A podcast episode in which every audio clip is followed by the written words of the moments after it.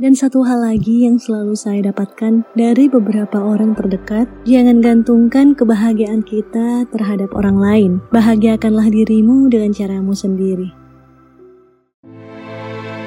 Ngobrol dan cerita di anyaman jiwa yuk. Tenang, kamu gak sendiri kok.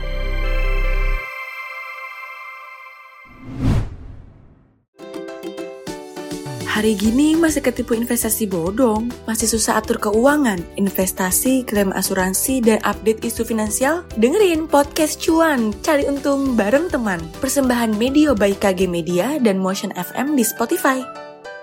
Halo, saya Aza, tim Halo Jiwa Indonesia. Podcast Anyaman Jiwa episode kali ini berbeda dari sebelumnya. Saya akan bercerita pengalaman saya saat merasakan loneliness. Sebelum mendengarkan obrolan kali ini, jangan lupa follow dan beri rating terbaikmu untuk podcast Anyaman Jiwa di Spotify, serta nyalakan notifikasinya ya, supaya kamu bisa terinfo setiap ada episode terbaru yang tayang di hari Rabu dan Jumat. Merasa kesepian adalah hal yang normal dan merupakan pengalaman setiap orang. Situasi ini semakin banyak dirasakan di masa pandemi COVID-19 yang lalu, ketika interaksi sosial mungkin tak bisa terbuka sebelumnya. Tapi, menghadapi periode kesepian yang intens bisa memicu masalah kesehatan mental yang lebih besar. Menurut terapis dan CEO founder Family Addiction Specialist di New York City, Lynn Stanlich, kesepian terjadi ketika seseorang dalam keadaan sendiri. Namun, ini juga bisa menggambarkan perasaan seseorang dalam setting sosial.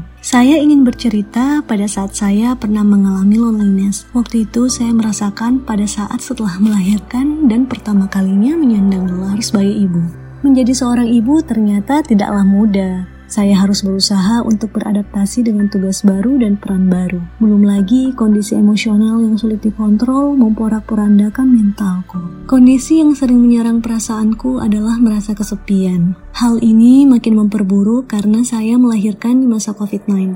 Pertemuan dengan keluarga, sahabat, teman hanya boleh dilakukan secara virtual. Selain itu, saya juga harus membatasi diri untuk bertemu dengan banyak orang demi melindungi buah hati. Saat perasaan kesepian itu muncul, sering kali diikuti dengan berbagai pikiran yang negatif. Yang pertama adalah pandangan diri yang kurang berharga, merasa tidak ada yang peduli dan tidak ada yang memahami perasaan saya, sehingga beberapa hal harus saya simpan sendiri. Kemudian adanya perasaan yang terisolasi, terkungkung secara mental dan fisik. Terkungkung secara mental karena sulitnya menjalin kembali pertemanan baru dan beradaptasi di keluarga baru dengan latar belakang, kebiasaan, dan culture yang berbeda terkungkung secara fisik karena belum bisa bepergian ke mana-mana, bertemu dengan teman dan keluarga. Perasaan ini sangatlah tidak nyaman, dan ternyata terbukti menurut salah satu penelitian, ibu rumah tangga rentan mengalami atau merasa kesepian, disebabkan mereka merasa sulit mendapatkan teman yang bisa diajak untuk bercerita tentang kehidupan rumah tangga, tentang dunia anak, dan dunia parenting. Selain itu, dunianya hanya sebatas rumah dan mengurus anak. Belum lagi ketika saya melihat teman-teman yang lain bekerja, jalan-jalan sendiri dengan bebas, rasa kesepian itu bisa muncul lagi. Terkadang loneliness bukan hanya selalu merasa sendiri secara fisik, namun Merasa sepi di tengah keramaian juga sering kali dirasakan. Mungkin perasaan ini hampir pernah dirasakan semua orang. Dan ternyata, menurut salah satu psikiater Indonesia, penyebab kesepian juga dipengaruhi oleh kehidupan sosial, seperti sedikitnya jaringan pertemanan, tidak cocok dengan lingkungan sosial, atau tidak mengalami relatedness, terhubung dengan orang lain. Salah satu cara saya untuk melalui fase kesepian dan bisa bangkit semangat kembali yang mungkin bisa kamu lakukan. Saya mencoba memaafkan diri terlebih dahulu dan kemudian menerima keadaan. Mungkin ada inner child atau luka lama yang kembali muncul pada kondisi yang saya rasakan pada saat itu. Kemudian saya berusaha kembali menjalin relasi dan beradaptasi pada lingkungan baru. Poin di sini, saya membuka diri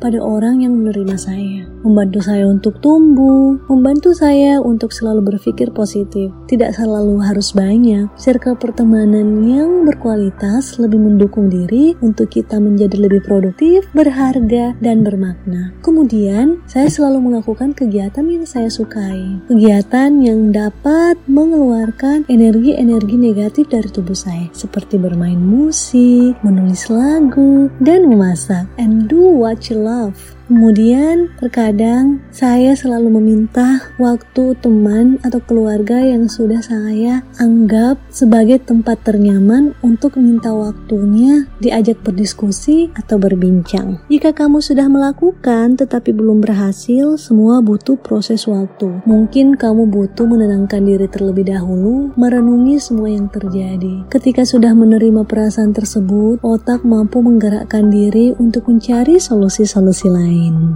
Adapun kesimpulan dari pengalaman cerita saya adalah tidak apa-apa ketika kita merasa tidak baik-baik saja. Terimalah perasaan itu. Terkadang semakin kita menerima, semakin jiwa merasa lega. Dan satu hal lagi yang selalu saya dapatkan dari beberapa orang terdekat, jangan gantungkan kebahagiaan kita terhadap orang lain. Bahagiakanlah dirimu dengan caramu sendiri. Dan teruntuk ibu dan calon ibu, isilah tangki cinta dan kebahagiaanmu dengan caramu sendiri. Carilah hal yang membuatmu merasakan eksistensimu. Bergabunglah dengan mereka atau suatu kelompok yang dapat membantumu untuk tumbuh dan mewaraskan mentalmu. Tujuan aku cerita karena kamu gak sendirian. Ada aku dan teman lainnya yang sedang berjuang untuk kesehatan mentalmu. Kamu harus semangat ya. Terima kasih buat kamu yang sudah mendengar episode Anyaman Jiwa kali ini dan terima kasih juga mau mendengarkan saya. Kalau kamu ingin curhat, jangan sungkan. Kirim aja ke podcast at dan DM di sosial media at Medio by KG dan follow akun Instagram at Halo sebagai sarana penyedia informasi kesehatan mental dan follow at Halo Jiwa Shop untuk merchandise terbaik lainnya. Nah, Halo Jiwa Indonesia juga menyediakan layanan konseling dengan profesional bersama Wuli ID dan layanan konseling sebaya dalam program ruang refleksi lainnya. Saya Azah dari tim Halo Jiwa Indonesia. Ditunggu episode yang lainnya. Udah selesai episode kali ini. Tungguin episode Anyaman Jiwa selanjutnya ya.